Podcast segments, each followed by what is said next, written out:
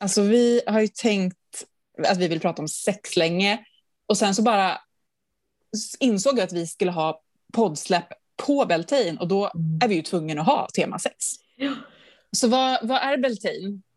Beltane är en eh, fantastisk eh, del av årscykeln. Eh, försommar, majblod, vanadisblod. Beltane betyder, om inte jag missminner mig, det betyder liksom som en kombination av så här, ljus och flamma. Alltså så här, Bel är en gud och eh, Tain betyder liksom flamma eller eld. Så liksom så här, den heliga flamman, den, det, det starka ljuset, den upptändade elden. Eh, sommaren är här. Just det, det är ju en keltisk högtid. Mm. Eh, vi har ju inte riktigt någon motsvarighet. Vi har ju valborg, men den är ju egentligen väldigt så här för att skrämma bort häxor. Ja, den är lite tvärtom. Lite tvärtom. Men det är i alla fall ändå den här eldtraditionen lever liksom ändå kvar. Ja, och den i keltisk mytologi så handlar det också väldigt mycket om, så här, det finns ju väldigt många myter där kring liksom typ The May Queen, Flora, Mm. eh, som liksom träffade the young oak man or the young oak boy or the green man. Och And the de horned, liksom- the horned Ja, god. Liksom. the horned stag. god. The stag. Så det handlar ju verkligen också om så här, mm, jorden, den fertila jorden som får sitt, sitt frö. Mm. Eh, Så det har ju varit liksom mycket så att då och då, de symbolerna kring liksom Gud och gudinna, att, man har, att de har mötts och sen har det liksom ett barn fötts. Beltane baby har fötts nio månader senare. Så det är ju en högtid väldigt kopplad till sexualitet. Ja, och i Norden så har vi ju ofta en väldigt, vi har en verkligen stark kärleksgudinna Mm. som sätts här och det är ju Freja. Men som i vårt gudinneavsnitt så pratar ju du väldigt mycket om att visst Freja är här och hon är kärleksgudinna. Eh, men motsatt då årshjulet, om man går in och tittar på vår lilla teckning på vår förmödrasmakt.com så har vi ju, vad har vi på andra sidan? Då vi har ju liksom Sawain Mm. Döden. och döden och det är ju också Freja Mm. som en eh, Valfreja som en dödsgudinna. Så det är ju den där Döden bor igen. ju, ja, och döden bor väldigt mycket i den här tiden Mm. också. Alltså det, i, det liksom, I det sexuella, i livet, bor också döden. Mm. På samma sätt som kärleken bor Mm. i, de, i döden, på den sidan av hjulet. Precis, alltså, och så har vi också, det finns ju en liten nedtecknad kring så här Tjoffen och Loffen som kanske skulle kunna varit kärleksgudinnor också i nordisk mytologi. Mm. Och sen eh, finns det ju andra namn på Freja också, så här, som Frö och Froja. Så det finns också en liten så här, frö, hennes namn finns ju det här Frö, eventuellt, en äldre namn på henne. Och sen hennes bror, Frej. han är ju ganska viktig i Ja. Nej, Han var ju ganska välhängd höll jag på att säga. Det var inte det jag skulle säga. Utan jag, jag vet faktiskt inte någonting om Frejs penis, eh, bara så här disclaimer. Men att han var Jo, väldigt- men herregud, det är ju den, mest, den, kända, den kända skulpturen av Frej. Då är ju hans... Turen har jag sett men jag har inte umgåtts med liksom. Du har inte umgåtts med den så på liksom, Nej. personlig nivå. Nej. inte på personlig nivå. Men Adam och Bremen, han har gjort det. Han tyckte det var hemskt. Det var väldigt jobbiga scener och fruktansvärdsriter med Ja, Frej och hans lem. Det tyckte han var Vad jobbigt. de kristna eh, missionärerna och prästerna fick stå ut med. Alltså. Ja, i gamla Uppsala. Det var jobbigt på den tiden. I, eh, keltisk mytologi så har vi ju, vi har också pratat om när vi pratade om alla gudinnor, då är det ju Rhiannon som Mm. eh, ofta placeras här på hjulet och som är den liksom, stora kärleksgudinnan. Och det är ju eh, Rhiannon som alla, det är ju det är den utbildningen som vi går som handlar om Mm. helig sexualitet Mm. eh, med henne i fokus. Så vi kanske kommer nämna Rhiannon lite, vi får se. Det kommer vi säkert göra. All right. Vi ska fan med snacka med en av våra prästinnevänner som är otroligt, otroligt bra på att prata om det här. Mm, verkligen. Mm. Karin. som eh, driver podden Pollyprat och massa andra saker har jobbat med allt möjligt inom sacred sexuality. Ja, hon är också keramiker och Musiker. musiker och eh, liksom mother of three och eh, bara en av våra liksom fellow priestess.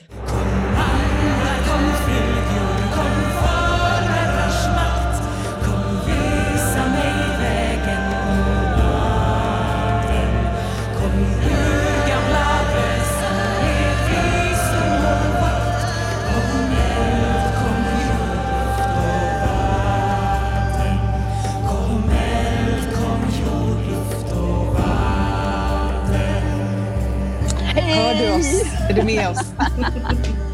Jag är med er från ön. Oh, fantastiskt. Ja, du sitter ju också på Gotland, precis som jag. Mm.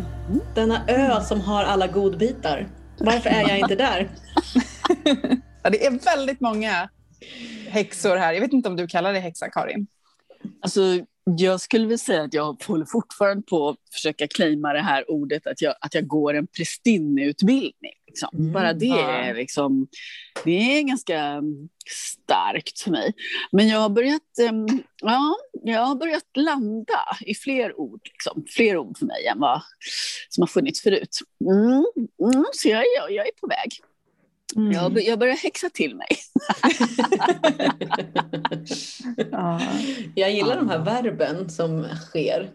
Lavendla, häxa, häxa till sig och saxa till sig. Och. Ja. Nej, men så, här sitter jag och så, så gottar jag mig åt att vi ska få ett helt avsnitt när vi ska prata om eh, mm. liksom det här kroppsliga och sensuella och det här liksom, det heligt sexuella. Det tycker jag är en sån fantastiskt spännande att vi ska få prata om.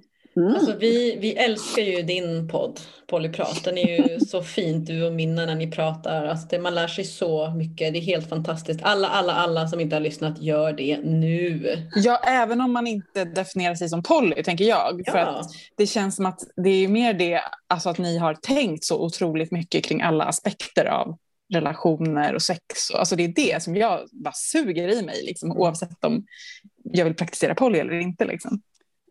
Det, det gläder mig jättemycket, för att jag skulle nog tro att, att eh, det är väl det som jag ibland kan tänka kan skrämma bort folk, att de tänker att jag vet inte vad jag definierar mig som eller jag vill inte leva poly eller så här. Men, men jag tror verkligen att, jag så att vi kan lära oss jättemycket om relationer av, av människor som gör relationer på ett annat sätt eh, eller faktiskt just bara nördar ner sig i det. Mm. Eh, jag själv har lyssnat en hel del på på utländska poddar. Och då, då, har, då har jag märkt att jag liksom saknar, det, det är någonting med att dels få höra saker på svenska. Alltså mitt, du vet, känslospråk är ändå oftast det där modersmålet eller, eller mm, så. Och sen så att det också är lite olika, kultur ser olika ut och vi stöter på väldigt olika eh, problem på olika ställen. Så jag, jag, tycker det känns jätteroligt att vi, eh, vi är en av, en, en av poddar som handlar just om, om relationer. Ja, jag älskade, jag, jag kommer inte ihåg om det var första eller andra avsnittet där liksom, typ, det var så här vad folk tror att polyamorösa människor gör. Typ så här, ligga, ligga, ligga, ligga, sanningen ner, fram med kalendern, Google, planera, planera, se om det finns någon tid bland alla barn och familjer och jobb och resor och så vidare. Jag bara, just det, det är liksom lite mer än att bara så här, nu ska jag knulla. Eller hur? Ja, nice, liksom bara bang on earth magic. Mm.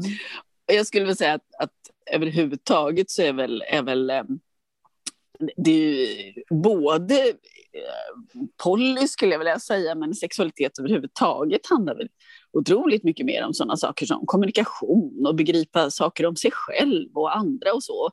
Och, och, och, efter det kan ju juicy och härliga saker hända, men det går inte att hoppa över de stegen, tänker jag. Mm, liksom. um, och sen, ja. Men, men det är väl det man gör ganska ofta? Eller man. Det vill, jag, tror, jag, jag, jag pratar från min egen erfarenhet. Vi ska Vad var det jag gjorde så här häxskratt? Jag tänker att någon, det finns ju ingenting att vinna på att tänka att jag borde ha förstått något innan jag var där. Alltså vi, vi gör våra relationsresor och våra sexuella resor och kroppsliga resor som de är. Liksom. Och sen i efterhand kan vi tänka, men hur kunde jag? Ja, men så är det ju. Ehm, men då är vi just den här att klura lite på vartåt jag vill och vad min liksom vad jag längtar efter och vad jag är på väg. Det tror jag väl är en sån här ledtråd i att istället för att det bara får hända enligt någon slags konventionell mall. Det tycker jag i alla fall är intressant. Jämfört med normen, för det finns en norm i hur vi ska göra allt från relationer till sexualitet till, till allt. Och det är att börja titta på den. Men vad vill jag då? Eller vad är jag nyfiken på? Jag kanske inte ens vet vad jag vill någonstans.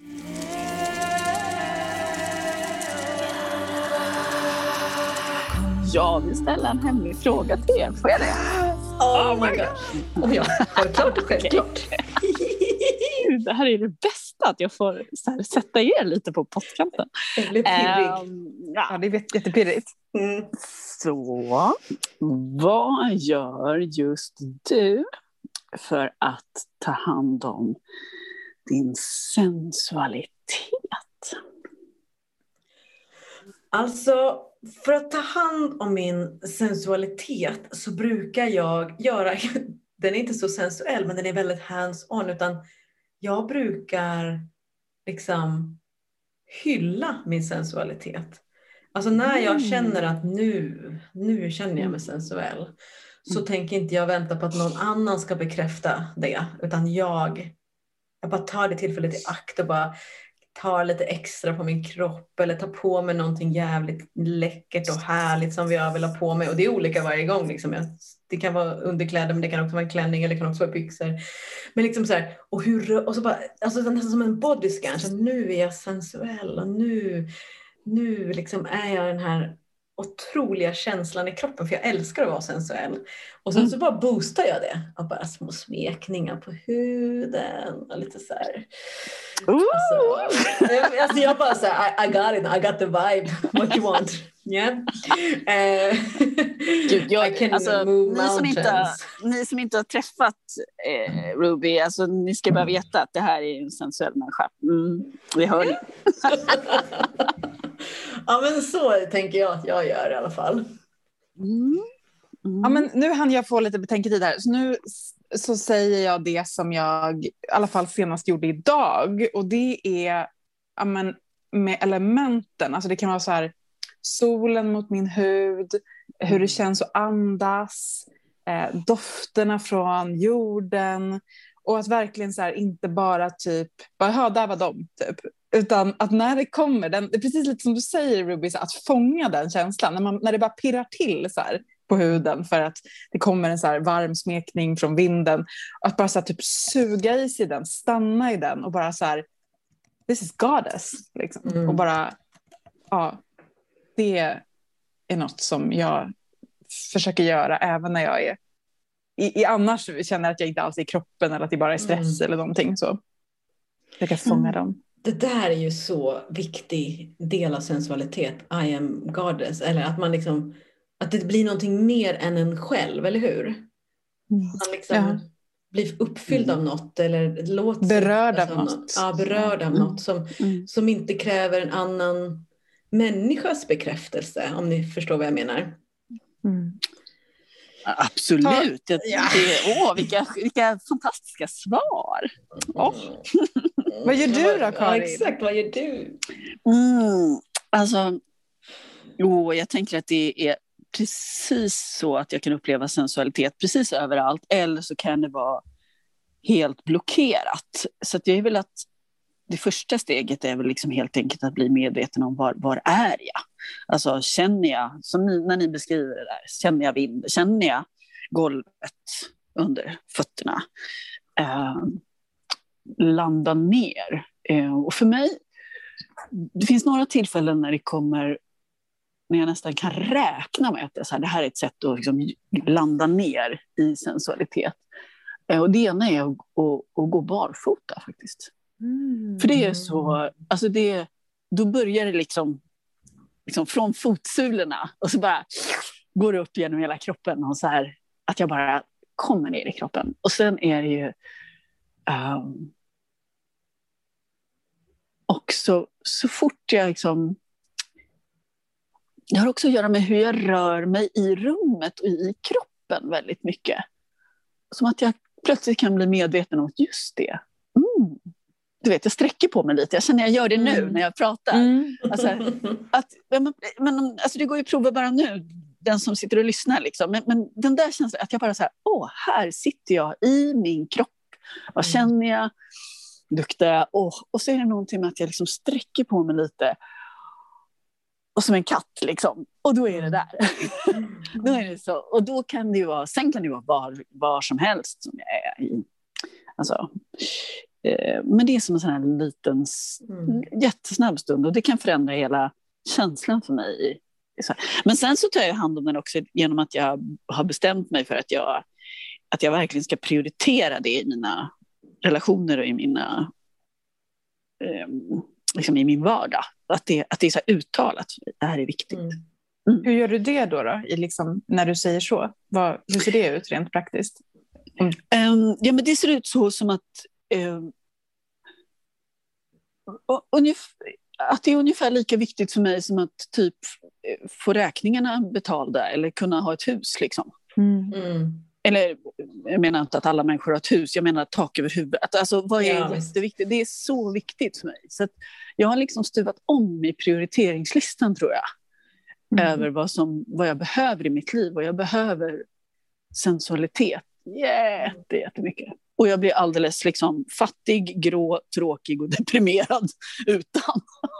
Ja, men jag tror inte att du är ensam att bli det, men jag tror väldigt liksom många gör inte den där prioriteringen utan att det är som att räkningarna får ta all platsen eller Netflix eller liksom att man inte... Eh, för när, ni, när jag lyssnar på er när ni pratar om det här liksom att tillåta sig själv, det är som att jag skulle vilja säga att man någon gång i sitt liv har varit i en situation där man kanske kände sig som den här eh, katten, kraften och så vidare och så visade man upp det för en annan person och den bara såg inte. Och då blir man så knäckt, eller man blev ledsen eller knäckt och bara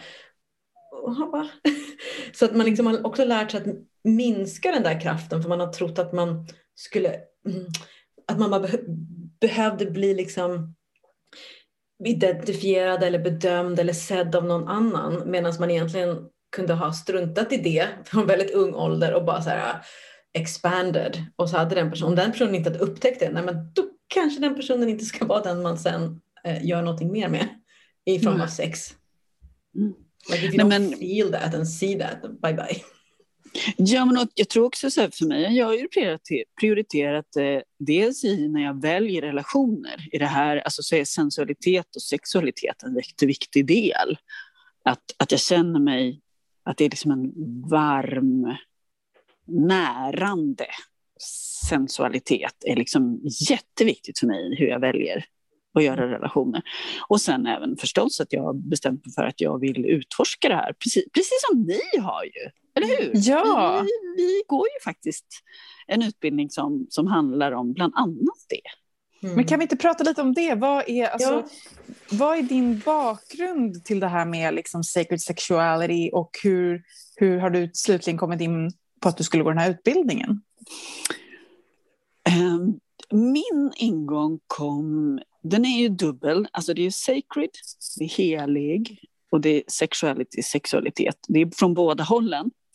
Eh, så en längtan och en längtan efter den, att utvidga och utforska den här starka, starka andliga kraften som finns i sexualitet, den har jag haft jättelänge och inte riktigt haft jag har inte vetat var då någonstans. Liksom. Var, var, var, söker man sig? Alltså vilken kurs då ska man gå? Mm. Om man känner att, att, du vet, jag får starka eh, andliga liksom- upplevelser liksom... av sex. Liksom. Var, var kan jag... Du bara, studieförbundet, Vuxenskolan, ABF. Nej, det fanns inte. Universitetet. Universitetet känns jätterimligt faktiskt. Mm. Ja.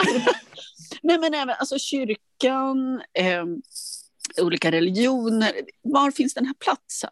Eh, det har väl varit någonting som jag har liksom längtat efter och undersökt och gått olika steg mot på olika sätt. Eh, musik är en sån väg som liksom kombinerar egentligen andlighet och sexualitet och kraft liksom, för mig så på många mm. sätt, till exempel. Men sen den andra delen har ju varit att jag har gått en del sexability och tantrautbildningar och kurser. Och det alltså faktiskt velat lära mig mer om, om sexualitet eh, på, på liksom väldigt, lite olika sätt, men också väldigt hands-on. Mm. Det finns kurser i hur man kan göra. Det är helt otroligt för att utvidga sin sexualitet och göra det på trygga sätt med kloka människor. Liksom. Och det, det tycker jag. Så if, eftersom jag började göra det så, så, jag, så och har sett mig som både en andlig människa på väldigt många sätt och sen som en, en sökare när det gäller eh, sexualitet. Ja, så, så liksom från de hållen. Så jag har ju inte kommit... Det finns ju andra som har andra bakgrunder, men jag har nog kommit från den.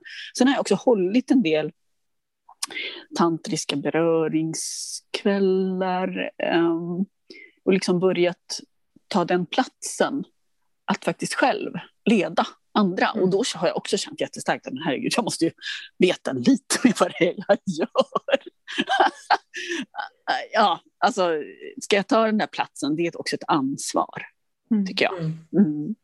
Mm. Det är lite det som vi, vi pratar om när vi menar prästinneskap, liksom. att man typ mm. kliver in för fler än sig själv kanske och håller, liksom, ja. håller space. Mm. Och det är ett tjänande i allra högsta grad.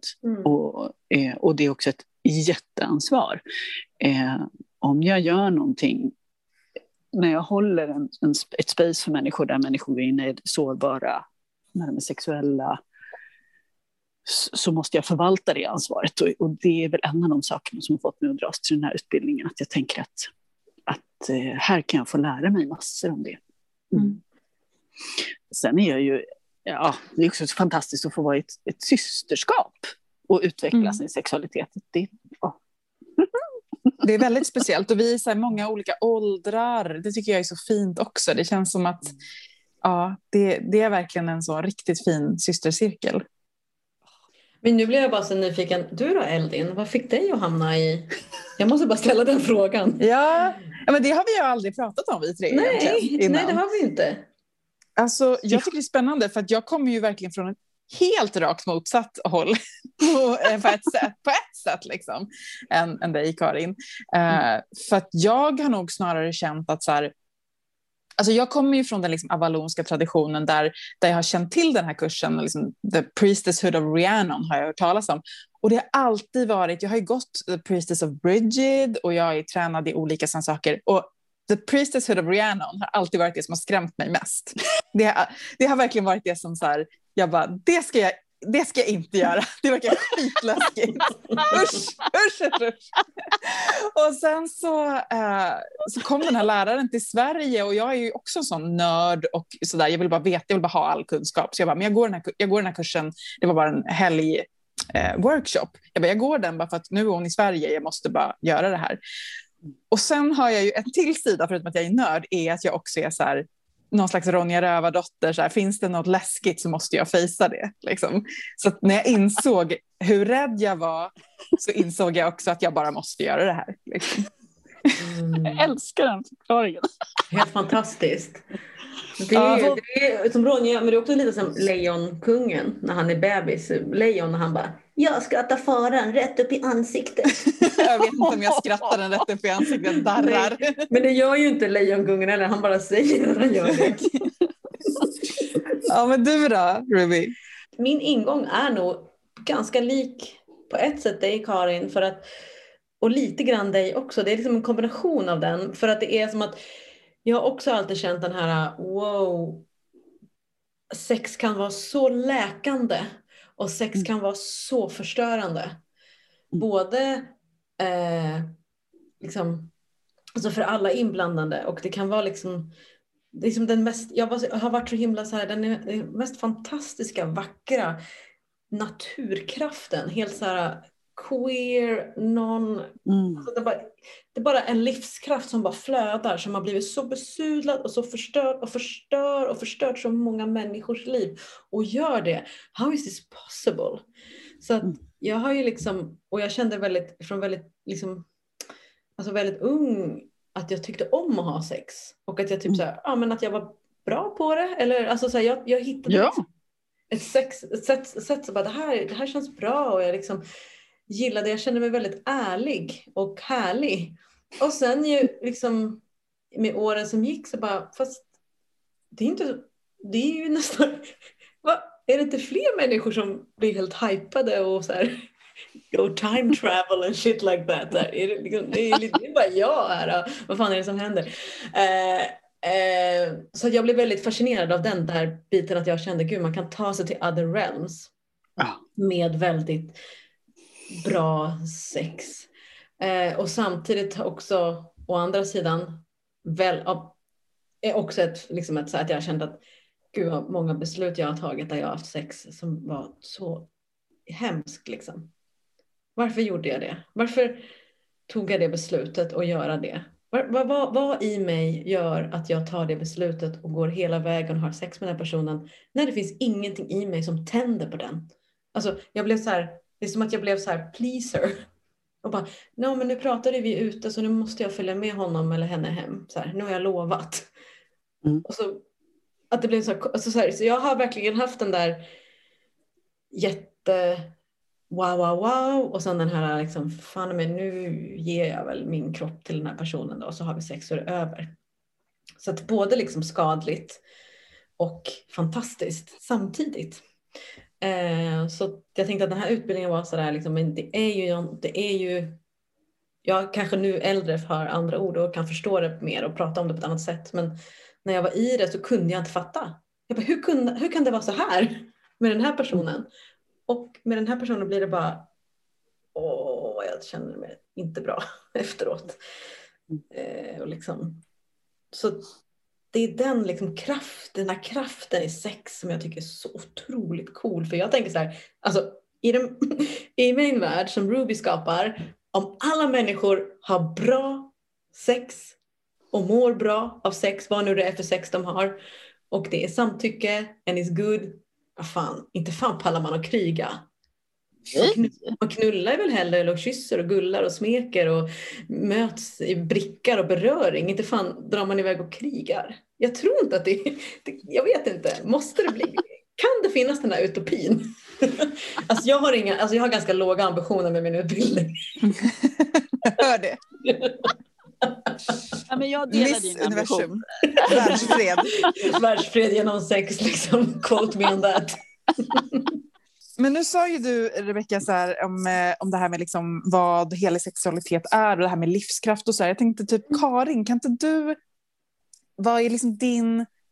Alltså, hur, vad är helig sexualitet? Vad är, liksom, vad är sexualitet? I alla dina, liksom, ditt utforskande, liksom. Vad, för folk som sitter och lyssnar, du bara, men vad är helig sexualitet? Vad är det de pratar om egentligen? Liksom? Mm.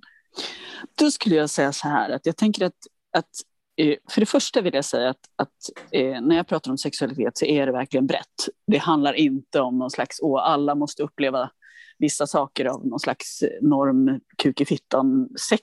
Det är inte det jag pratar om överhuvudtaget. Mm. Utan nu pratar jag om sexualitet som en, en eh, både en praktik, det man kan göra, rent liksom, handlingar, fysiska saker. Men sen just precis den här dimensionen som handlar om att genom sexualiteten få kontakt med det som är heligt och som är större. För mig är det gudinnan och för mig är det också verkligen en möjlighet att eh, expandera eller komma i kontakt med andra dimensioner eller andra delar och det, det känner jag att jag är i början av. In, absolut inte som en sån här, och det här vet jag allt om. Men alltså förnimmelsen och aningen och, och längtan till det skulle jag säga. Till att genom, eh, genom mötet med andra och mig själv öppna genom, genom kroppen, in genom själen, ut i det här fantastiska och jag tror att för mig så har, eh, så har jag alltid anat att det finns, det här är en väg som finns för mig. Och den är, den är stark. Jag har liksom haft lättare på ett sätt att få kontakt med, med det som jag kallar heligt eh, i stunder av närhet med andra människor än vad jag kanske alltid har gjort när jag är själv.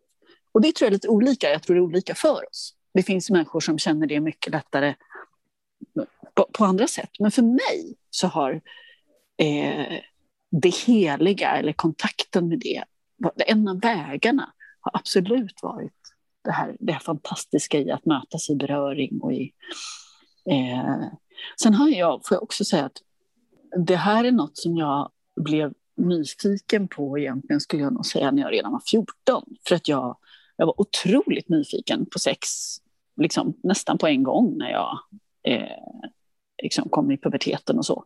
Och jag tror att jag har letat och sökt efter och liksom fått små små upplevelser som har lett mig vidare mot det. Så ibland tänker jag, alltså jag tänker ju att gudinnan har så planterat ut små människor eller, eller händelser eller ledtrådar till mig på något sätt som jag ibland har plockat upp och ibland missat.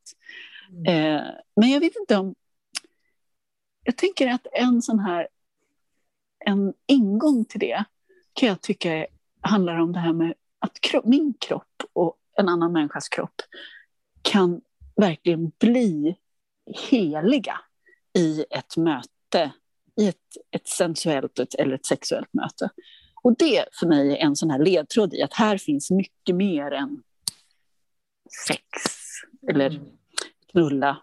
Eh, det vill säga att bara, ni vet den där, jag vet inte om ni vet om det, jag tror ni gör det någon gång att man har känt att det är en sån stark laddning och dragning till den här människans hud som man nästan inte... Alltså det, går, det går inte att... Det, det, går inte att motstå det som en jättestark magnet. Liksom. Jag vill vara dit med min hand. Och bara i det, i det där fantastiska i att få röra vid en annan människa, så finns ju hela, hela det heliga. Det behöver, sen kan det också vara så att det heliga kan uppenbara sig i du vet, en sexualitet som innefattar massa människor i en hög. Eh, jag har inga, inga som helst så här, det, det kan finnas överallt. Men jag tänker så här, bara för att eh, jag tänker på det här med helig sexualitet. Det, mm. det, det, på engelska kanske sacred sexuality, men jag tänker på svenska, skulle man kunna säga magisk sex också? när du pratar så låter det nästan som magi i vissa delar. Åh, spännande. Ja, ja det alltså när du, när, den här liksom, när du beskriver den här dragen, för jag vet vad mm. du menar, att det mm. nästan ibland kan kännas som att det slår en gnista eller liksom exploderar mot huden. Som att det nästan har blivit någon slags magi. Ja, men jag upplever ju starka... Alltså, och det här är någonting som har växt med tiden. Eh, jag är 47 nu, så jag tycker att sex bara blir bättre och bättre. Jag tycker det är så himla roligt.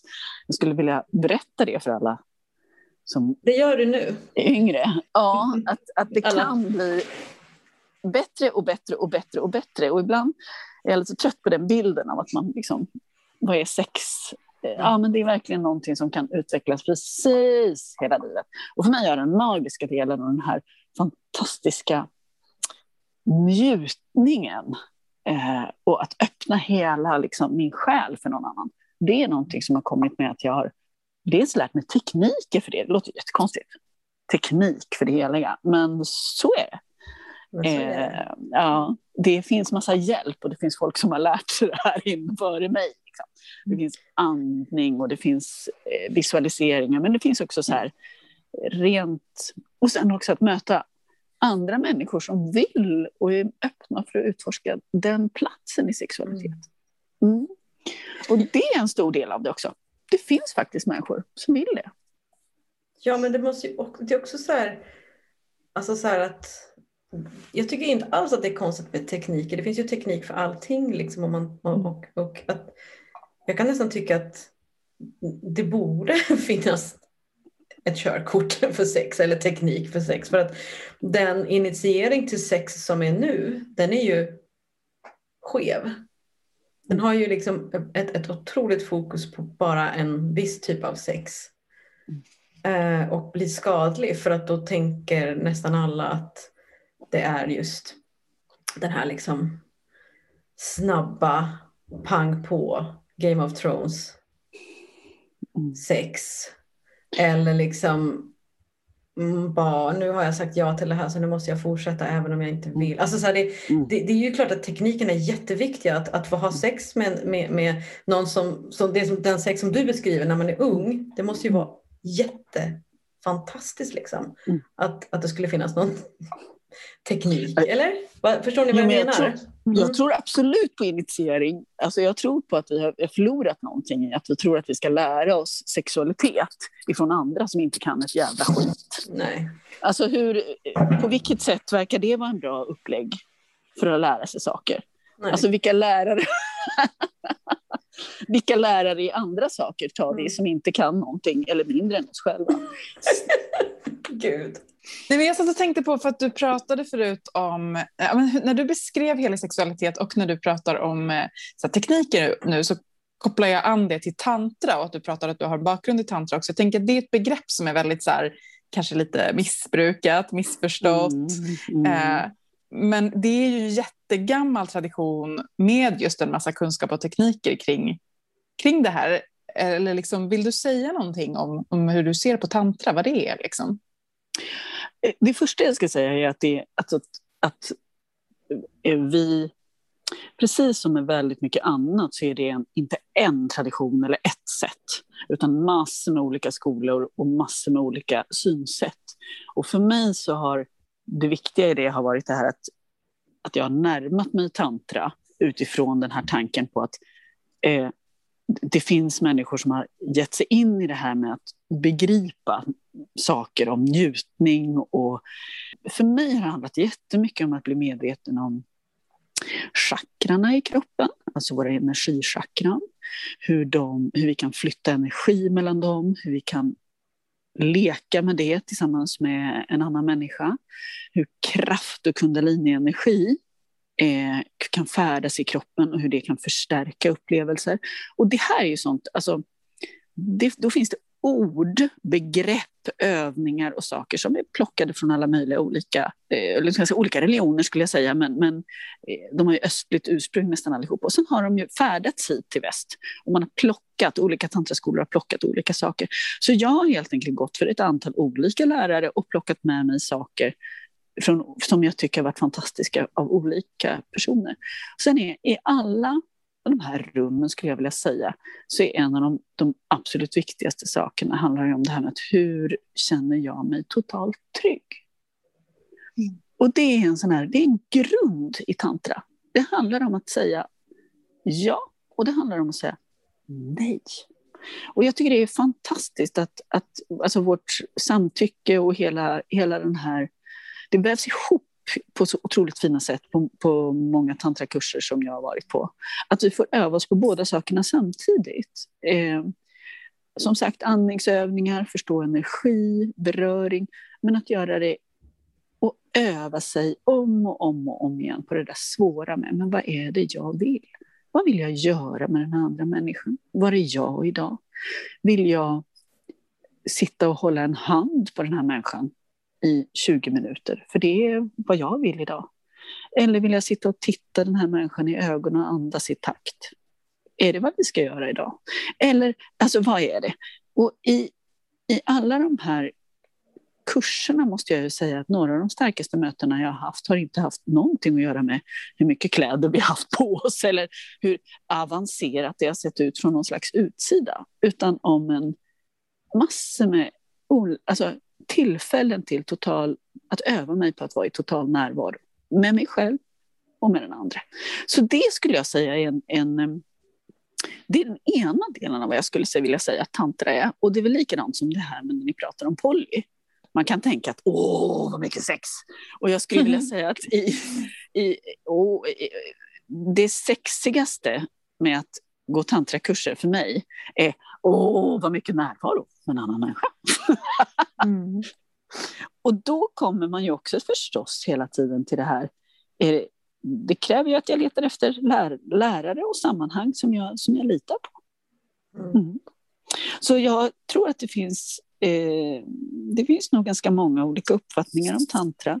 För mig har, har det varit helt fantastiskt för min upplevelse av sexualitet och jag är så otroligt tacksam att det finns människor som har ägnat sina liv åt att begripa mer om sexualitet och lära ut det till sådana som jag. Mm. Det är också så här, alltså när du pratar nu så skulle man kunna byta ut ordet tantra till så här, sex bara. Alltså så här, mm. Mm. Det, det, som du pratade om är ju så här, att, att vara i ett tryggt rum. Alltså så här, det är inte bara mm. för tantra, det är ju sex. Det är, så här, mm. det är väldigt liksom eh, te alltså te tekniker som, som är så pass basic men som ändå inte lärs ut. Och, och där och sen kommer skadorna. Så är det verkligen. Och sen, så är det ju, sen ska jag ju säga att jag, menar, jag har gått kurser i tantra som dels sådana som har varit helt påklädda och väldigt liksom som jag skulle kunna bjuda in min morsa till. Liksom.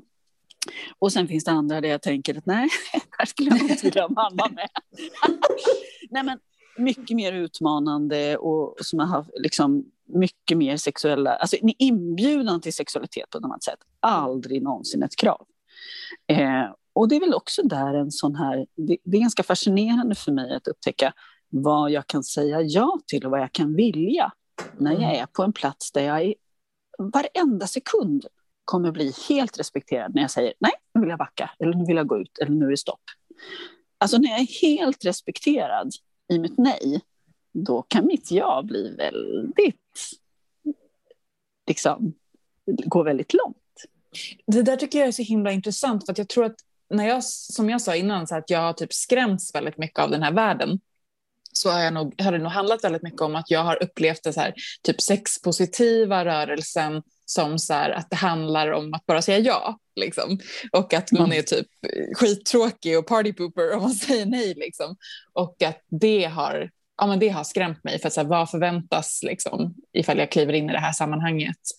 Eh, och, och, det som mötte mig liksom på, så på den här kursen då, till exempel är ju massa påklädda övningar i att säga ja och nej, som du säger, liksom, till, till helt icke-sexuella saker också, för att det såklart hänger ihop. Liksom. Att sexualiteten är inte liksom någonting som är helt bortkopplat från alla andra val man gör i livet. Och, och det är också en... en eh, eh, jag tänker också att, att de... Jag har haft en väldigt tur genom mitt liv eh, att jag har mött väldigt många personer genom mitt liv som jag har haft sex med som har varit lyhörda för ja och nej. Och det tror jag också har varit en sån här fördel för mig i den här resan in i varför sexualitet kan vara helig. Mm. Uh, och jag kan bli oerhört sorgsen när jag tänker på hur, hur ovanlig jag är. Mm. Mm. Förstår ni? Alltså, på, mm. alltså hur ovanligt det är att känna att jag har stött på andra saker, jag har varit med om allt från tastningar till, till övergrepp. Men det, det har varit så för mig att det är i minoritet. Mm. Alltså min... Uh, och det är väl en, det är en jättestark anledning till att jag går den här kursen. För jag tycker inte att... Jag tycker det är revolution, vi behöver en revolution. Så här ska fan inte samhället vara längre. Karin, jag håller helt med dig för det är det jag tycker är, liksom, det är någonting där som är, där, där som är min tanke kring det här med sexualitet. är så här, all right, vi tar då, vem pratar om sex? Nej, ingen pratar om sex. Det finns sex och samlevnad i läroplanen och sen så eh, liksom ja, kanske man pratar med sin, sina föräldrar om man kan det, men sen liksom, där gör, det är ju ingen initiering, det är ju samtal. Eh, och sen så ska man bara kunna det. Det är verkligen som du säger Karin, så här, att ja, men då är min, min fyraåring lär mig att köra bil. Alltså, så här, det, är så här, det, det är som hallå det är jättekonstigt att vi inte har övningar med de här ja och nej och gränsdragningarna. Eh, så att mm, eftersom, eftersom vi verkligen har en nedåtgående spiral i sex. Alltså det är ju jag tror, jag menar, jag kollade lite statistik, liksom, det är så 18 000 anmälda sexuella övergrepp i Sverige och BRÅ, Brottsförebyggande rådet, räknar mörkertalet upp till 90 000. Mm. Varav liksom ungefär 3 000 av de här är mot 0 till 17 år och då är då mörkertalet ungefär 10 000. Förstår ni alltså vad sjukt? Mm. Alltså det är verkligen så här wow, wow. Liksom. Vi behöver inte gå in och prata mer om det men jag tänker bara att den här revolutionen som du pratar om det är ju inte en vi pratar inte om en så här free sex to everybody revolution utan vi pratar om ja och nej revolution. Mm. Ja. Men jag tänker också jättemycket på, för att jag upplever den här ja, men utbildningen som vi går och det arbetet som man gör där, att det handlar ju jättemycket att ta hand om de sår som har liksom tillfogats just på grund av patriarkatet. Eh, liksom de, alla de såren och att du, du har ju pratat Rebecka lite grann om så sexualitet och sex som läkande. Ja. Och där det känns som en så helt, helt obruten mark för mig. Har du någonting du tänker om det, Karin?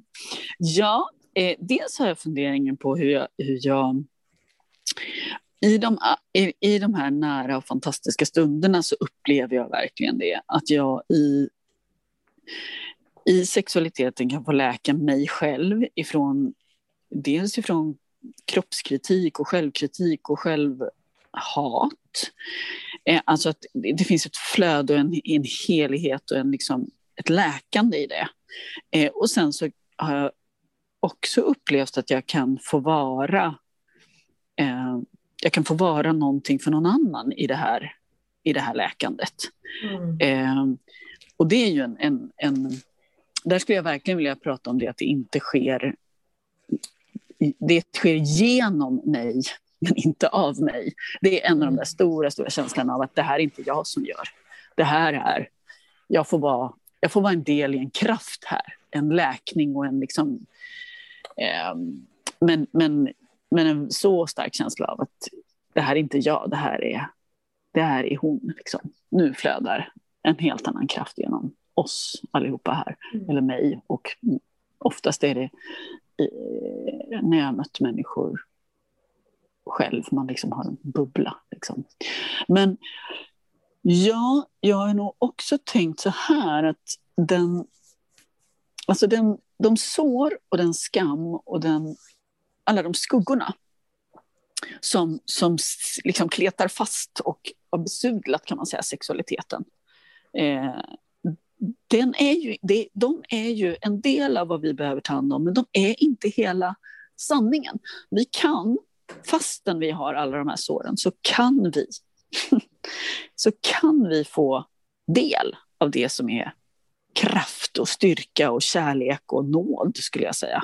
Nåd är ju ett svårt ord. Men jag tycker att det är ett viktigt ord det där. Mm. Alltså vi... Men berätta mer om nåd, det är asintressant. Och jag skulle vilja säga att det, är så här, att det är lätt att tänka att jag måste vara helt hel först. Jag måste ha gjort ett och annat och 300 olika övningar och det ena och det andra. Men jag upplever att genom sexualiteten kan man också bara plötsligt få uppleva nåd. Mm. Jag får den här fantastiska gåvan i närvaro med en annan människa. Ba som en liksom bara... nästan shortcut, eller? Som en gåva. Jag behöver inte mm. förtjäna någonting, jag behöver jag inte göra någonting. Jag behöver inte... Man kan ju tänka det, jag måste göra 3000 olika andningsövningar och komma över ena och tredje. Eller så kan jag faktiskt plötsligt bara få något som en present mm. från den här kraften. Och så har jag upplevt jag har ju upplevt att människor har gjort det för mig. Eh, jag upplever det i den relationen som jag har, den nyaste relationen jag har nu. Eh, att alltså, sexualitet med henne är, det är en nåd. Det finns ingenting jag har gjort som liksom, jag kan säga så här, Åh, det här har jag förtjänat eller gjort något jobb för att ja, få. Det bara är så här, det är som en kraftkanal som den här fantastiska människan har tillgång till som jag får komma in i och dela. Och, och min, liksom, jag får öppna mig ännu mer för den här fantastiska kraften. Um, utan att vara färdig på något enda sätt. Klar eller färdig eller mm. något. Och så tycker jag att sexualitet kan vara. Eh, och jag tycker också att det helar. Och jag tänker verkligen på alla de här såren som har att göra med kropp. Du vet, vilken kropp har du? Är du kan du känna det här att den här kroppen som jag har, den är värd all, all, all njutning och beröring och kärlek i precis hela världen. Det kan också komma som en så bara present. Mm. Mm. Mm. När du pratar nu, det handlar väldigt mycket om mötet med en annan människa. Jag tänker som, som när vi jobbar med den här kraften mycket på vår utbildning så är det ju mycket så att man, att man jobbar med så kraften i sig själv. Men känns det för dig, låter, det, det låter som liksom att det är så väldigt avgörande ändå, mötet med den andra. För mig är det så. Alltså, de övningar och det vi gör är någonting som jag sen tar med mig hela tiden i möten med andra. Mm. Eh, jag tror inte alls det är nödvändigt, för man kan jobba med den här med sexualitet och med sensualitet och med gudinnekraften på jättemånga olika sätt. Eh, eh, jag är i en period i mitt liv där, det, där jag har en sån fantastisk tur att jag får leva i, i tantriska, heliga möten nu och då. Och sen också väldigt mycket vardag såklart. Men, men så för mig blir det ju så att jag tar med mig det vi gör in i möten med andra. Mm. Eh, ja, det gör jag. Jag tänker att det kanske är lite intressant att bara nämna det nu så att man inte tänker att du är någon eh, superexotisk tantrisk guru utan du är ju verkligen mamma till tre barn och har ett jobb och bor i ett hus och har ett, en jättefin relation med din man som du har varit tillsammans med i 20 år. Alltså så här, det, är, det är liksom inget så här, du har ett väldigt liksom, ja, men ett, ett liv som många kan relatera till och du har ja. den här sexualiteten som du lever och förvaltar och, och, och har valt att ha i ditt liv. Så man behöver liksom inte säga jag drar till Bali i 18 år och lär mig det här, utan det här är ju liksom en del av ditt vardagliga liv. Absolut. Alltså, och min, min eh, tonårsdotter tycker ju att jag kanske skulle steppa upp lite när det gäller det här med att se ut på något sätt. Ha någon slags kläder och vet, ta hand om, du vet, steppa upp lite grann. Så det skulle jag nog också vilja säga till folk ibland. Man kan, alltså, ja, om du skulle se mig på stan skulle du tänka kulturtant.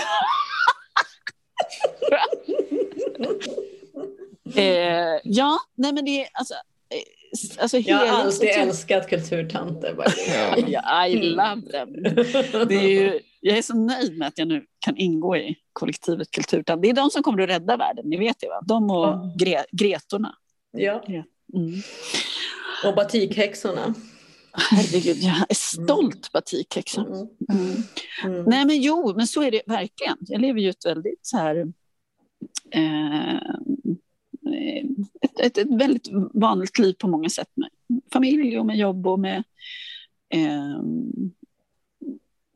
sen så är jag väl lite ovanlig för att jag lever ganska öppet poly, alltså det här med att göra flera relationer. Det finns ju också en bild av att det är en viss sorts människor med en viss sorts fantastisk sexepil eller de absolut eh, med någon slags kropp av något visst slag eller en du vet, ja, som du säger, ung eller gammal, vad, vad finns det sådär? Och jag skulle vilja säga att det har, eh, alltså den här kraften, den här sensuella sexuella kraften, det är vår födslorätt. Mm. Den, vi behöver inte förtjäna den någon endastans, den finns där precis från början. Sen, nu ska jag vilja säga också att vi pratar jättemycket om sexualitet som om, som om sexualitet är någonting som precis alla har. Jag vet att det finns ett stort asexuellt community och människor mm. som förhåller sig till sex på andra sätt än just det jag pratar om. Så jag vill bara skicka ut det att jag, det, här, det här handlar om den här delen. Liksom.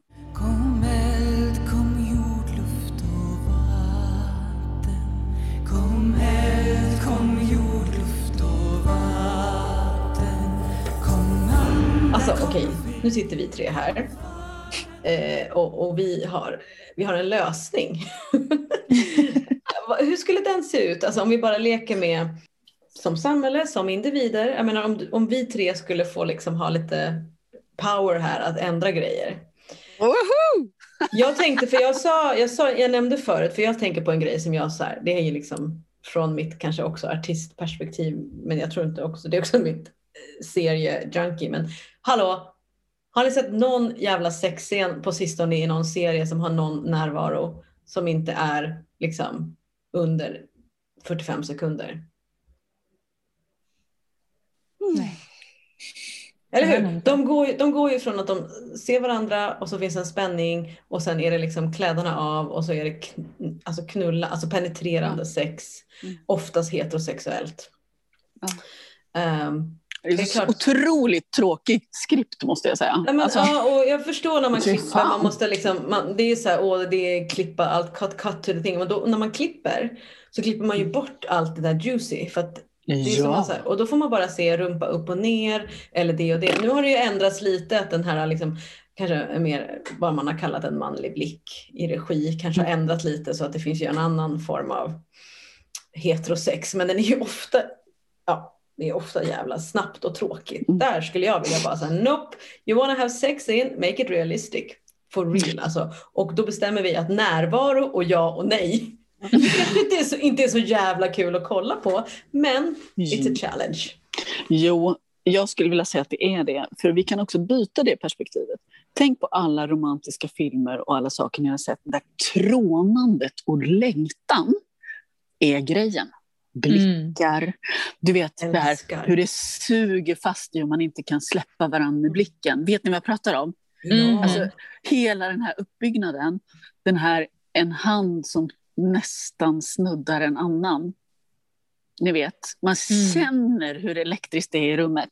Och så när de äntligen kysser varandra och de så närmar sig så här långsamt för att nu händer det, händer faktiskt, det händer, händer, det händer, det händer. Ah! Och så kysser de varandra länge, länge, länge, länge, länge. Alltså det är ju sjukt mycket. Och många gånger måste jag säga att det får igång mig mycket mer än det där guppandet. Mm. Men kan man inte då- förresten säga också att, kan man inte säga att långsamhet är en så här liten nyckel till mycket? Herregud. Ja, ja. Och då säger vi långsamhet, samtycke. Alltså jag tycker det är jättesexigt. Alltså att vet, jag tycker det är osexigt att titta på, läsa om, försöka för, tänka att jag ska bli kåt på saker där jag tänker, vill de verkligen? Alltså jag, jag vill ändå bara slänga in en disclaimer här att liksom, det är inget fel med en quickie också om det är det som är Nej. dealen. Liksom. Det går Såklart. jättebra men när det är det enda, vi får ju bara se quickies. Quickfucks är det enda vi ser. Mm. Och så här, typ den här manliga kroppen som rusar fram mot en mindre kvinna och bara tar henne och lyfter henne typ. Ja, mot en vägg. Ja, och så bara, ja, och så är det alltid slut när han har kommit. Ibland Ja, kanske hon får en, någonting, men nej, det där är inte bra. Alltså. Det där vill jag jag- ändra på. Vad vill ni ändra på? Jag tror att det är en ytter... Du, börjar, du sa någon gång tidigare i det här samtalet om att liksom, det finns en, någonting i sexualiteten som kommer att göra att människor, eh, du vet, om vi lyckas fixa den här trasiga sexualiteten.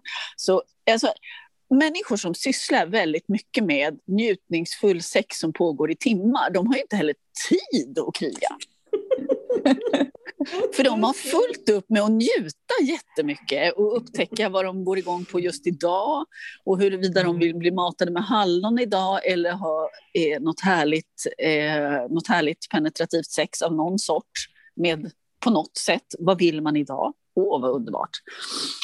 Um, ja, jag, jag tycker nog att det finns en potential i det. Vad ska vi syssla med?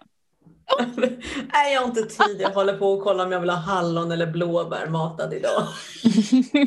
Nej, jag tänker inte investera något i mitt riskkapitalistföretag.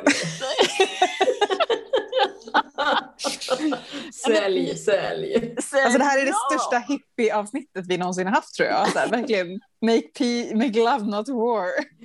Ja, men Men det är inte så fel med det, eller? Nej, det är, Det är fantastiskt. Och det är, också, det är också så här att om vi breddar hela den här bilden av sexualitet är, och kommer in i hela det här, vad är, alltså att det kan vara sensualitet, så kan det ju pågå i dagar, veckor, år.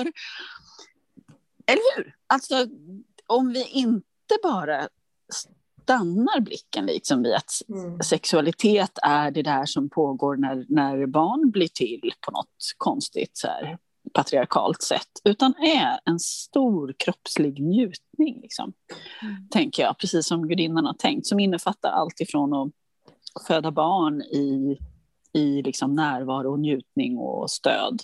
Alltså det, den genomsyrar, den genomsyrar ju allt möjligt. Det, Mm. det är en revolution. Jag Mm. tänker det. Njutningen och sensualiteten och närvaron i kroppen och amningen och vad allt, liksom, döden. Ja, men det, jag tänker, alltså döden också, det, det finns ju också den här, det här med kroppen. Jag älskar hur du pratar om kroppen, men kroppen är ju också väldigt, den är ju väldigt fokus i den sex som finns nu också, fast väldigt skevt. Exempelvis, kuken ska alltid vara hård. Hallå, Ja. man, när man får man se den slaka lilla härliga Ja, den som är som ett litet gulligt djur. Varför får den aldrig vara med? Den ska alltid vara så här I'm at your service madam, what do you want?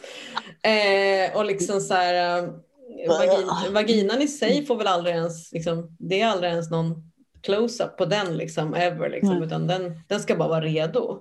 Mm. Eh, vilket är också en sån här, hallå, eh, Mm. nu pratar vi om någonting som har med teknik att göra igen, men att Mm. att det är ju faktiskt skadligt Mm. att typ ha om, om eh, alltså Omslutande sex. omslutande sex med Mm. penetration om, om vaginan inte är redo men även om Mm. kuken inte är redo och inte vill. Alltså så här, Mm. Bara för att. Varför liksom? Att, att vi liksom, och det gör vi ofta i vår Mm. liv, samhälle, kliver över kroppen. Det pratade vi jättemycket om i förra avsnittet Ellen ju, med mensen och blod- blodet. Liksom, att vi, vi, vi går över vår kropp vår kropp säger någonting och, och vi lyssnar inte. Och att lyssna, så har vi pratat om det här att bli en eh, pussy whisperer, alltså lyssna Ja. typ, alltså inte bara lyssna på hjärtat och lyssna på magen utan lyssna ännu längre ner liksom. Mm. Mm. Mm. Alltså fittan har fantastisk kraft och vet så mycket. Och jag, jag menar, sen vill jag också skicka med den att, alltså att vi har pratat om den, den mjuka härliga kuken. eh, Den, det är ju en fantastisk liten gåva. Liksom.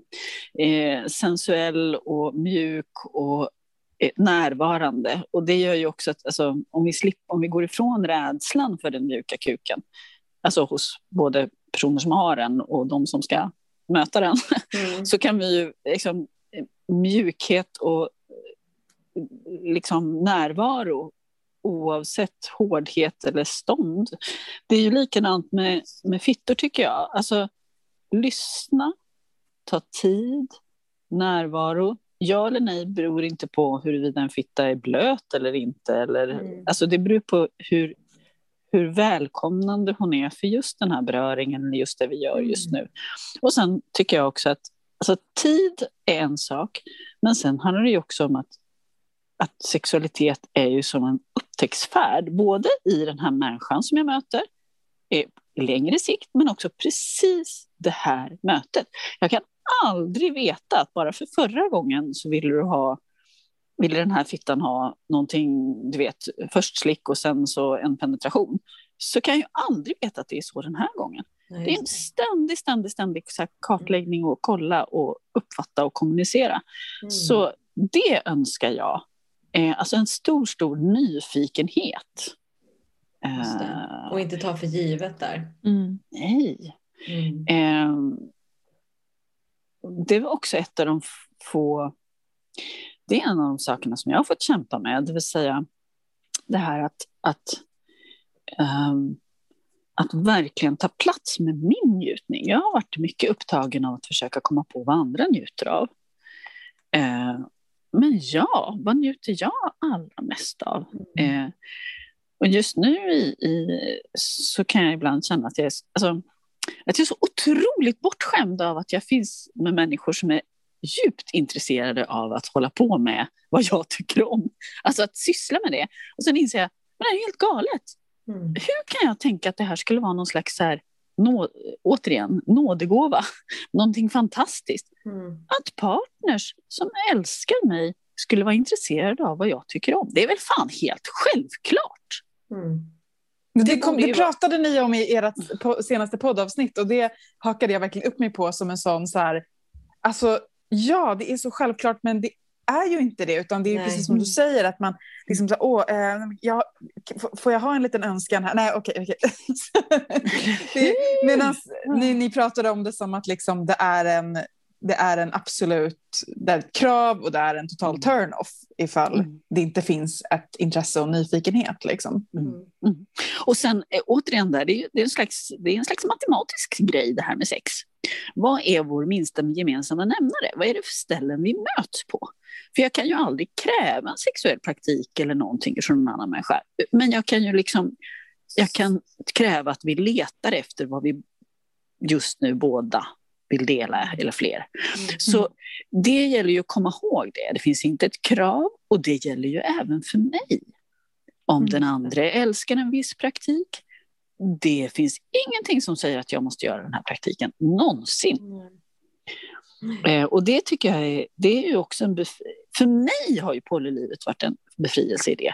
Att jag, aldrig behöver, att jag inte behöver gå och tänka så här, åh nej, nu det här som, inte, som jag inte tycker om, men som min man som jag har levt med i 24 år tycker om, nu kommer han aldrig få göra det. Nej, så är det ju inte. Det är bara så att jag kan säga, fast inte med mig. Mm. Det har jag tyckt varit en befrielse faktiskt. Mm. Mhm. Nej, men jag tror det där liksom, äktenskapet som konstitution och liksom, mm, kan vara en viktig del också att, se över. Man, man, man behöver inte Ja. leva poly eller liksom göra det, men Nej. att verkligen ta sig en funderare kring vad man vill och vad man mår bra och vad man njuter av. Och vad är det egentligen som sårar? Och, Mm. alltså, vad är egentligen otrohet för dig? Fi- Finns det ordet? Alltså, vad är det Mm. som Är du rädd för att bli lämnad? Är du rädd för att bli övergiven? Är du rädd för att... Alltså, vad, vad, vad, för att det är lätt att bara köpa konceptet. Right? Vi bara, ja, nej, men nu är vi tillsammans, då är det det här som gäller. Medan då den här mm, kanske liksom icke-sexuella kraften, den får, mm. ingen, den får ingen ny energi, den får ingen ny näring. Utan den bara blir, den ligger där och så, vänta nu här, och så mm. vågar man inte riktigt säga så här, fan men jag skulle jättegärna vilja att vi gjorde så här, för att ju längre man är mm. tillsammans så svårare är det att ändra. Mm. Jag, jag, tror att det också är så här att, att ju mer vi kan öppna upp för att, att vi människor är olika och olika vänner, olika människor kommer att behövas för att liksom komplettera våra liv. Det, det är ju en sån här grund, tycker jag. Eh, jag kan inte vara en persons enda vän och, och det blir en bra dynamik. Det, det tror jag inte på. Eh, och jag tror att om vi kan tänka så här att min, min jag vill, släppa, jag vill i mitt eget liv släppa in andra människor nära, alltså vänner, människor. Och jag vill att de människor jag älskar och lever nära eh, ska göra detsamma. Och sen hur, vilka gränser vi sätter för det och vad vi bestämmer oss för, det kanske inte är lika intressant som att jag tror vi behöver vara flera i varandras liv. Alltså nära vänner, nära människor. Eh, det är en befrielse tycker jag, jämfört med att tänka jag ska vara... Alltså där, där är jag, det är väl en sån här... Oh, jag har en grej som jag inte gillar med en del av så här,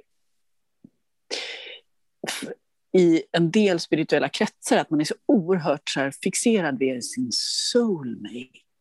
Och mm. jag har mm. funnit så här, den, ni vet, den saknade pusselbiten, den här, liksom, den här enda. Mm. Känner ni igen det? det ja, det finns ju till och med något ord för det. Det finns någon så här Ja. Twin, twin, twin flame. flame. Just ja, det. Ja. Twin det, flame. Ja, och det är en av mina absoluta allergi... Eh, jag behöver allergitabletter varje gång jag läser. Därför att jag tycker att det är marinerat i någon slags helt galen förhoppning om att nu, när jag funnit dig, så ska alla mina problem bli lösta. Och nu ska vi liksom leva i någon sån här supertät liksom, tvåsamhet. Och och jag, eh, människor får leva hur mycket tvåsamhet de vill, men glöm fan inte bort dina vänner och din, om du har fina släktingar som du gillar, dina djur, dina allt möjligt. Alltså vi behöver vara fler, vi behöver en, en flock. Liksom. Och en del av den här Twin Flame-idén kan vara så stark i det här att, att det är liksom att vi har en förlorad andra hälft. Jag tror att vi har, behöver en flock. och en del av Alltså en kärleksrelation kan vara en jättestark del av flocken. Men mm. vi är inte gjorda för att isolera oss med någon fantastisk, vad var det nu, älskare på Bali. Hur länge som helst. det, kommer, det kommer gå åt helvete. Nu har ni hört det.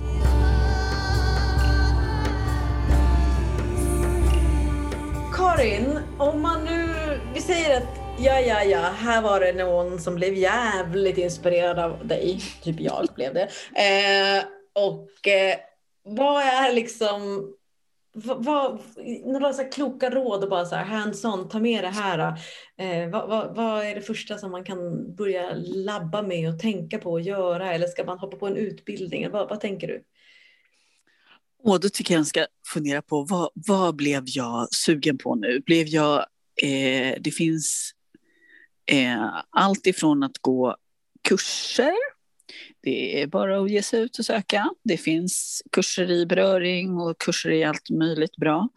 Eh, det finns grupper på Facebook och på andra ställen så, som, som, där man kan fråga andra, vad har ni gått, vad tycker ni om? Jag tycker man ska ta rekommendationer, jag tycker man ska höra sig för, för att kunna känna att man kommer till trygga space om man vill gå eh, kurser. Och det, det, jag tycker det här communityt alltså tantra-communityt är bra på att vara liksom öppen för att men, olika saker passar olika personer. Eh, den här läraren kanske, eller den här kursen, eller det här kunde vara bra för dig.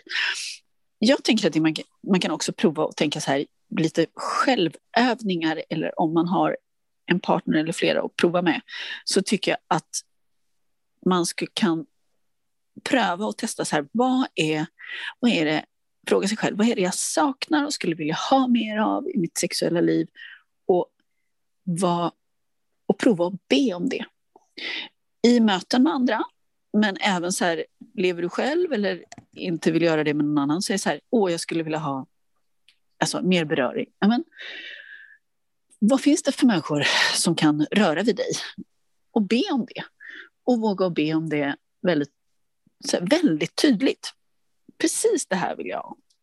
Och på det här sättet. Och jag vill ha en fotmassage och det ska vara så här lång tid och med en sån här olja för det tycker jag är jättegott. Kan du, liksom mysigt. Eh, kan du tänka dig att göra det för mig? Eh, gärna byta med folk. Ni vet, jag gör det här för dig, du, du vet, vad kan, jag, vad kan vi bytas med? Kom överens. Sen tycker jag att överhuvudtaget öka på saker som, om du tänker efter, vad är det som har fått dig att känna dig sensuell eller sexuell på ett härligt sätt, på något sätt som du tycker om. Och bara bestämma dig för att det här ökade i ditt liv. Um, det tycker jag är, det är liksom en utmaning man kan göra precis varenda dag. Och sen är mitt, ett av mina, mina pet peeves när det gäller att utforska sig själv i sin beröring handlar om lite av det vi har pratat om. Att sakta ner. Mm. Ibland kan man behöva spicea upp saker för de är långsamma och tråkiga. Jag skulle säga att nästan alltid så kan man prova också att göra saker enormt mycket långsammare. Från att kyssas långsamt, alltså oh, kyssas långsamt. Eh, till att gå långsamt på något skönt. Klä på sig långsamt. Borsta håret långsamt. Uh, beröring av dig själv långsamt och beröring av andra långsamt. För det är någonting med när vi tar tid som vi blir lite mer känsliga. Äta långsamt, ni vet. Bara mm. sakta ner och uppleva det vi upplever. Ja. Uh, jag skulle vilja säga att, att älska långsamt har nog varit en av de eh, en av de stora upptäckterna för mig de senaste åren. Mm. Åh, tack, alltså jag blir så inspirerad. Jag vill verkligen ja. jag vill börja nu med de eh, tipsen. Jag, jag vill liksom också att du ska sitta i mitt kök eller vardagsrum och bara säga de här orden gång på gång till mig. Så, här, liksom, så att jag inte glömmer bort det här långsamma. Ja, men jag vet, jag alltså, vi, vi gör ju det lite grann på kursen, eller hur? Alltså, vi övar oss i det här med närvaro och beröring. Det är fantastiskt.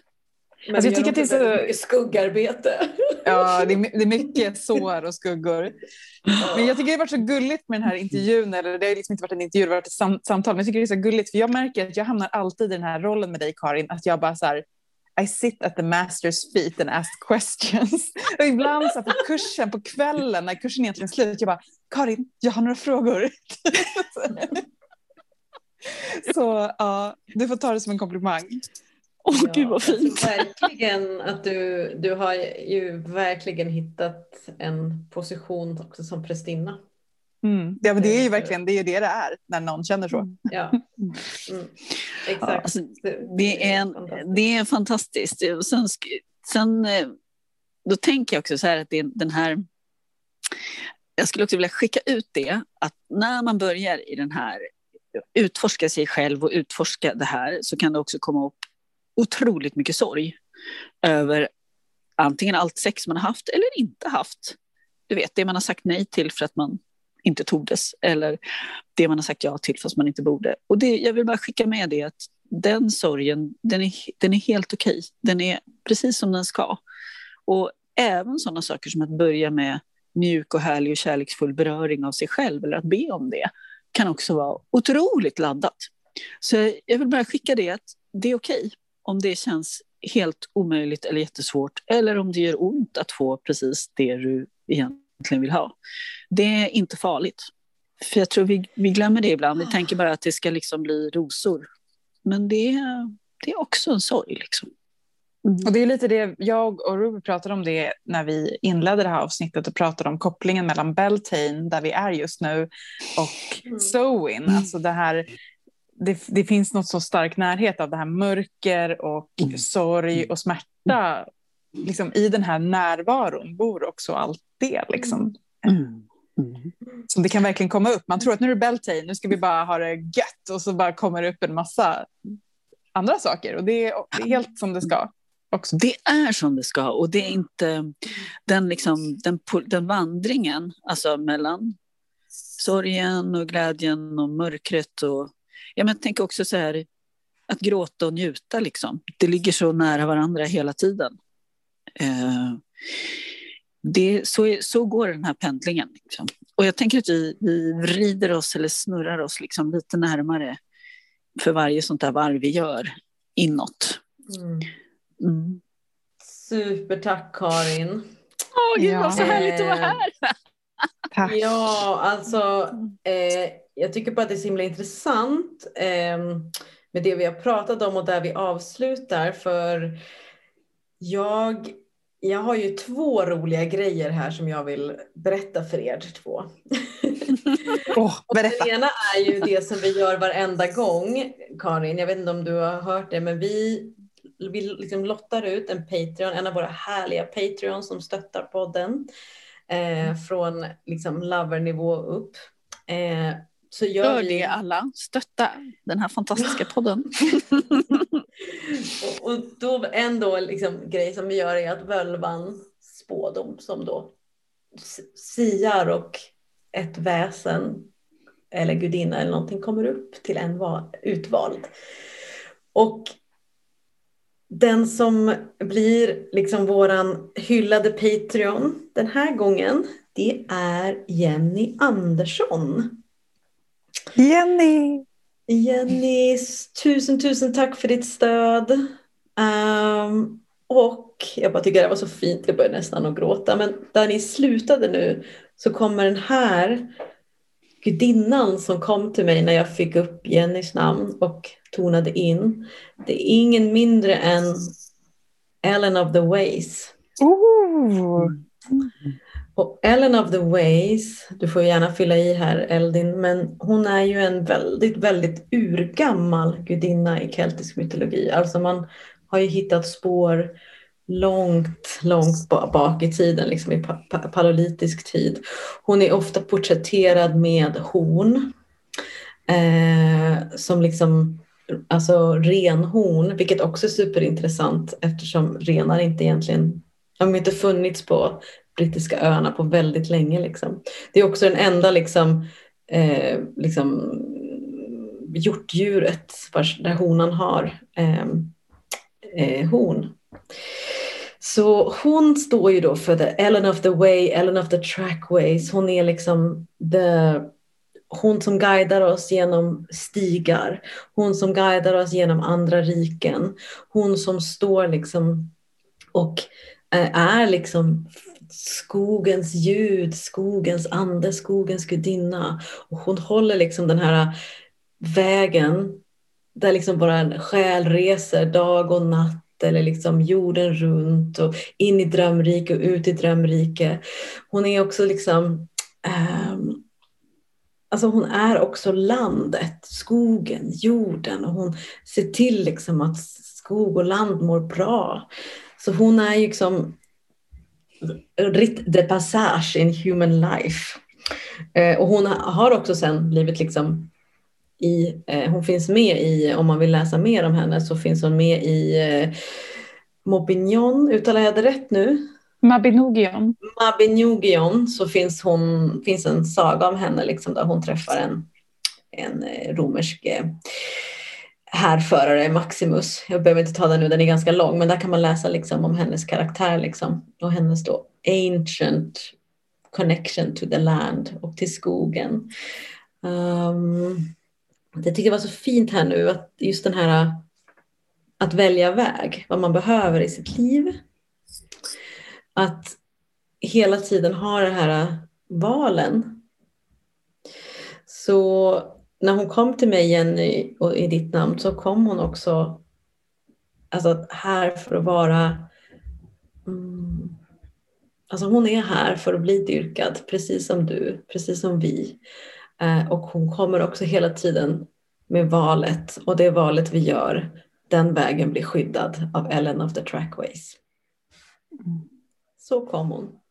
Mm. Så... Gud vad fint. Vad glad Mm. jag blir att Ellen kom. Ja, Hon är men så det- lite bortglömd och liksom, eh, ja. kanske inte så många som har hört talas om henne. Nej, och det är intressant för i Facebookgruppen har det varit jättemånga som har drömt om en gudinna med horn. Ja, men gud, det har jag också Mm. läst där. Och jag var så här, oj, finns det?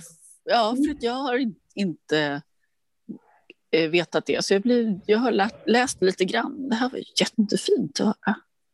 Så det är liksom att Ellen är så gammal och det finns så gamla källor. Det finns också gam, alltså gam, gam, hon är gammal, gammal, gammal. Gammal kraft. Ja, men hon är ju inte porträtterad som gammal men hon är en old entity och där att det verkligen är sån här djupa kallet liksom. Där, liksom den här vilda skogen där vårt hjärta är. Vår längtan, vår lust och så. Mm. Mm. Så Jenny, den är till dig. Härligt. Jag connectar väldigt mycket med Ellen just i det här liksom mitt, mitt djuriska jag. Det här lite som du sa Karin, att ta sig barfota och verkligen bara så här smälta samman med elementen, känna elementen, låta liksom stigarna bara dra en, vart ska jag gå? Eh, alltså fysiskt också, inte bara liksom så här, att, att sitta och tänka på typ vad, vad vill jag, utan att verkligen gå ut och bara låta låta naturen så visa vart, vart ska jag gå nu? Ja, men jag ska gå av stigen, ska jag ska gå upp på den här liksom, stengrejen. Alltså, Mm. och, och liksom tillåta sig bli det vilda väsenet.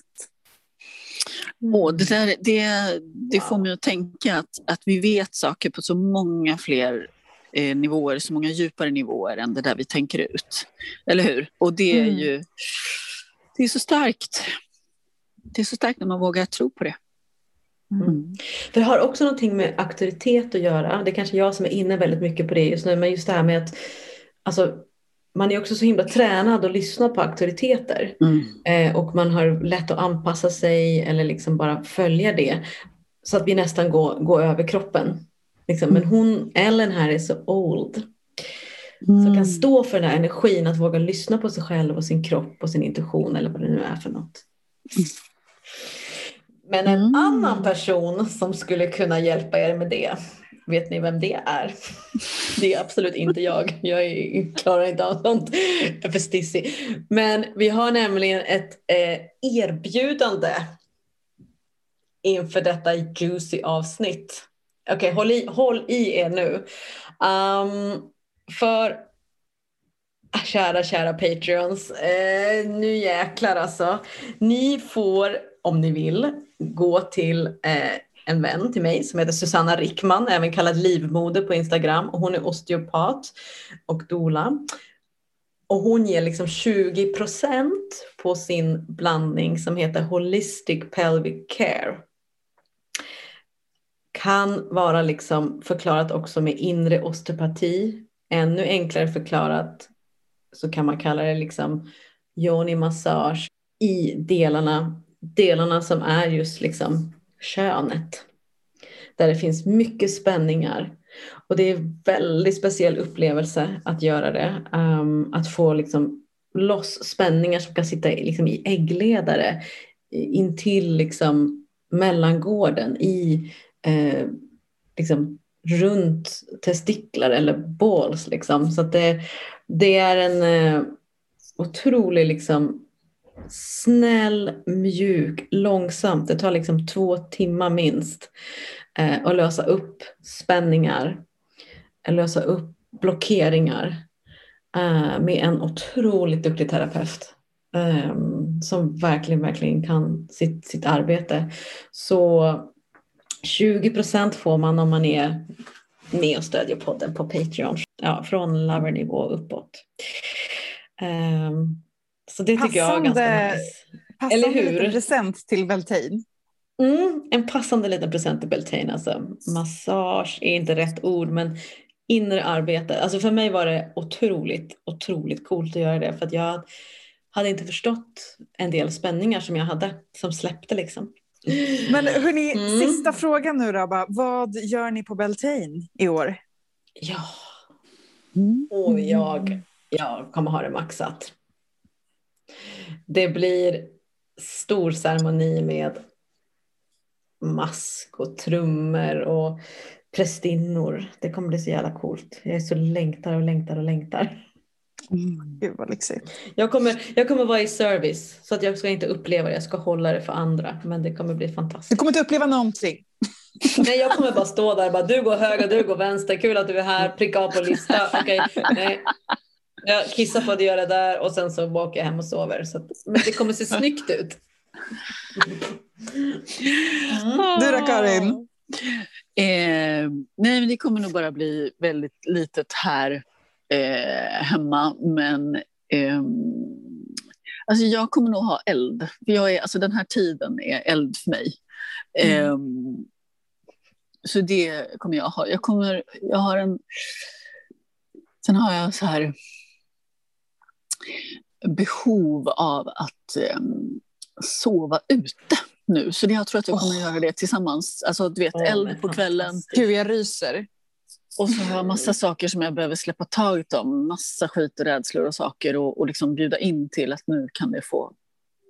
Du vet, nu behöver jag kraft och, och liksom släppa taget om saker. Och sen sova ute för att det är en så här... Ja, och det, det är särskilt jag och min, min, mitt mellanbarn, min son, som liksom, vi har en så här väldigt stark, båda två, alltså, som, behov av att få sova ute. Och, och då ska det vara under stjärnorna. Liksom. Du vet, mm, inget mm. så. Absolut. Så det, det blir nog min... Ja, det blir det i år. Mm. Du då, Eldin? Ja, men jag är ju fortfarande hemma med eh, bebishund så att jag kommer inte ut på någon storslagen ceremoni. Jag tänker att jag ska göra så pleasure temple här hemma. Bara liksom... Eh, Underbart. Gud! Mm. Ja oljor och mm. ljus och mm. kanske så här snippsauna, bad mm. och bara liksom, ja, men precis det där som du sa Karin, så här, långsamhet, mm. eh, närvaro, beröring. Mm. Det låter helt ljuvligt Eldin. Alltså wow, ditt pleasure, pleasure temple i ditt fina tempel. Kan det bli ja. bättre? Ja, det kunde det. Det kunde bli bättre just nu. jag måste säga, jag tänker det, jag hade en, en sån fin eh, replik ifrån mitt yngsta barn, för hon är en sån där, hon är bara kärlek hela hon, så här, helt hämningslös eh, som en urkraft. Så jag vill bara skicka med det där, du vet när man är liten och bara upptäcker att det finns fullt med människor i den här världen att älska. Eh, jag skulle vilja skicka med den bilden av, liksom, till er till den här säsongen och till den här tiden på året. Liksom. Att jag vet att vi är mitt i en pandemi, jag vet att det är skit, men det kommer andra tider. Och bara så här, öppna ögonen och titta er omkring och bara se vad många människor det finns att njuta av och älska. För sån, sån är hon. Jag tycker hon ofta påminner mig om det. Hennes första instinkt när hon träffar en ny människa, det är ofta att det är så här. Hej! Liksom, vad, åh, vad ska, vad ska du och jag dela? Liksom? Är vi kompisar, är du min nya pappa, ska vi gifta oss? Alltså hon har bara så här helt öppen inställning för allt. Jag tänker vi kan öva oss i det den här tiden. Vad ska vi ta in? Vad ska vi fantisera om? Vad ska vi öppna för? Och vad ska vi bara ta bort? Mm. mm. Ja, vi avslutar med denna fina bild av Maiden Energy.